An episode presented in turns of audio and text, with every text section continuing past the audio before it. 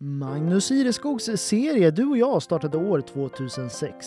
Sedan dess har en lång rad intervjuer med kända och okända människor publicerats. Den gemensamma nämnaren är alla människoöden som skildrats genom åren. Och nu släpps intervjuerna även i poddformat, inlästa av ingen mindre än Magnus Ireskog själv. Det här avsnittet det handlar om Pigge Werkelin och den dyslexi som tagit honom dit han är och som han aldrig skulle vilja vara utan.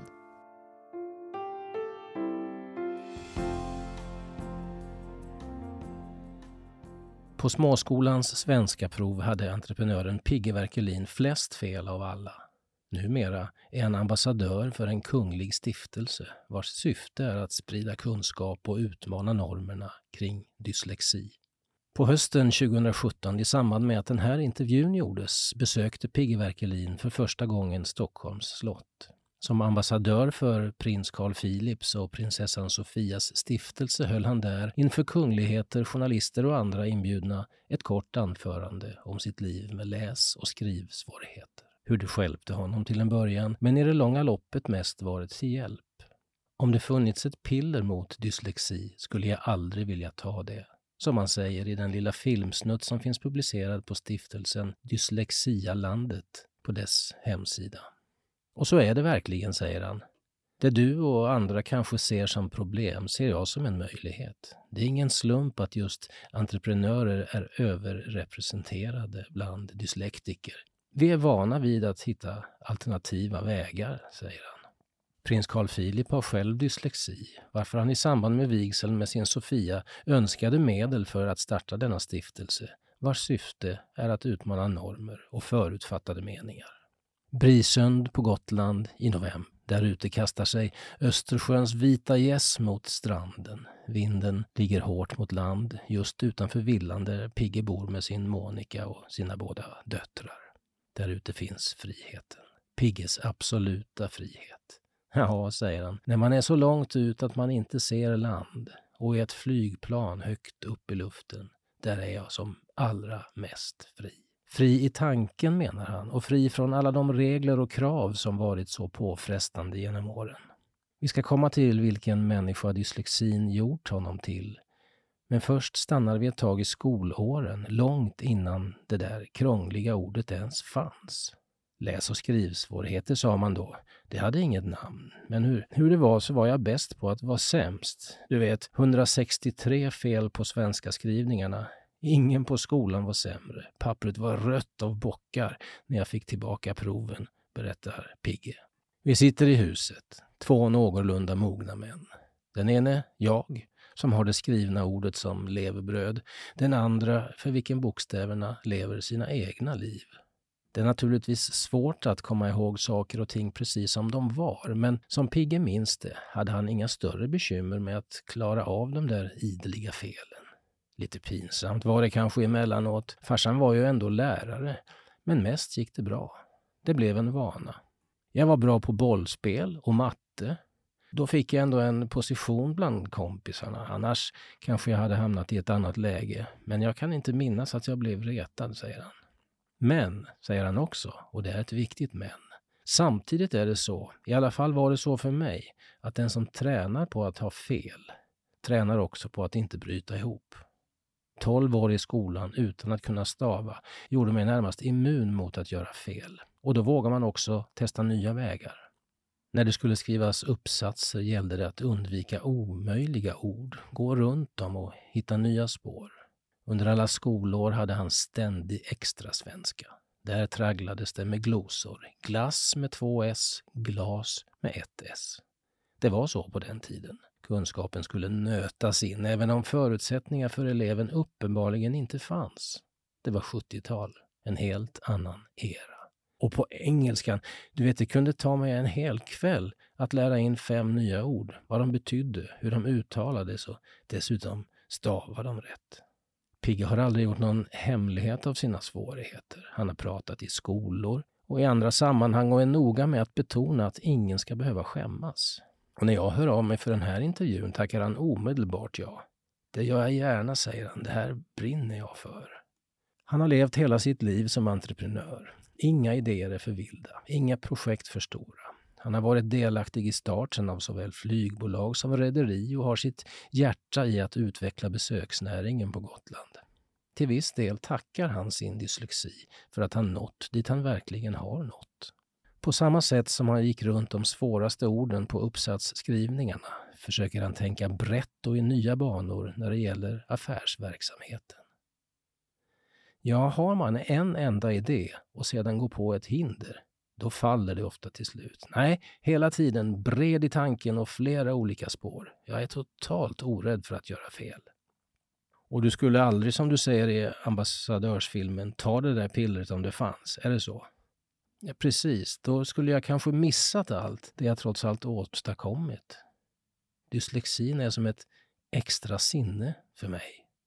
Det handlar om, säger han, att hela tiden processa och hålla denna tanke levande. Är detta rimligt? Jag vet ju att jag läser fel, att jag ofta ser något annat än vad det faktiskt står. Då gäller det att ha med sig tanken. Är det här rimligt? säger han. Som när han stod på startlinjen vid Gotland Grand National.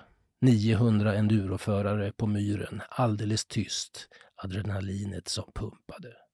Och då ställer sig en funktionär framför alla motorcyklar och visar upp en skylt med texten Varmkorv.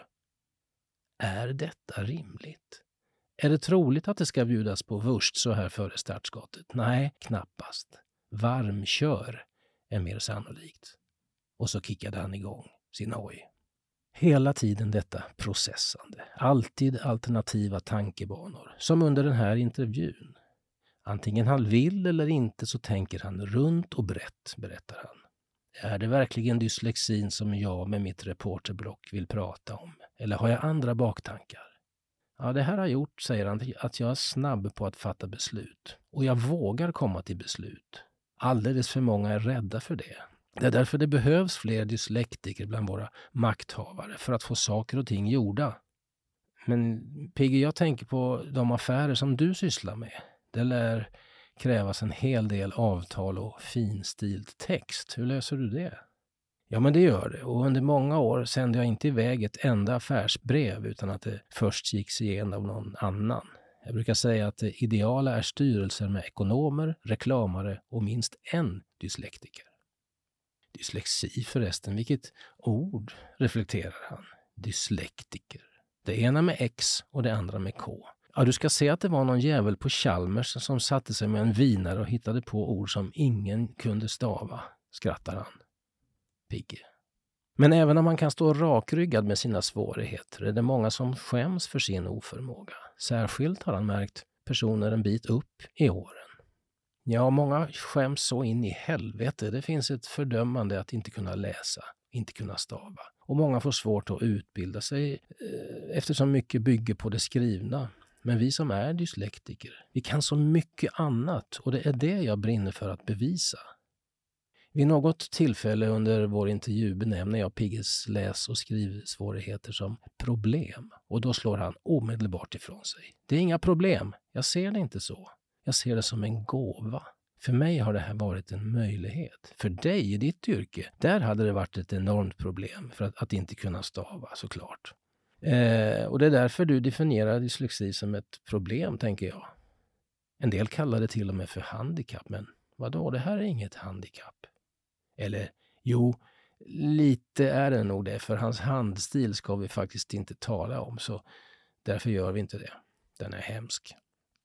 Ja, den var dålig från början och sen gjorde jag den faktiskt medvetet ännu sämre för att ingen skulle se hur illa jag stavade. Vilket fick till följd att jag knappt nu själv kan läsa vad jag skrivit. Och det är kanske inte alltid så bra, säger han. En viss vånda har ändå funnits för hur han när barnen växer upp skulle kunna hjälpa till med läxor och annat skolarbete, men även den funderingen har förstås landat rätt. Vi har fått ta det som det är. Jag kan bidra med andra saker. Och det kan jag säga dig, skulle tjejerna och jag ha en rättstavningstävling så vore det i alla fall inte jag som vann.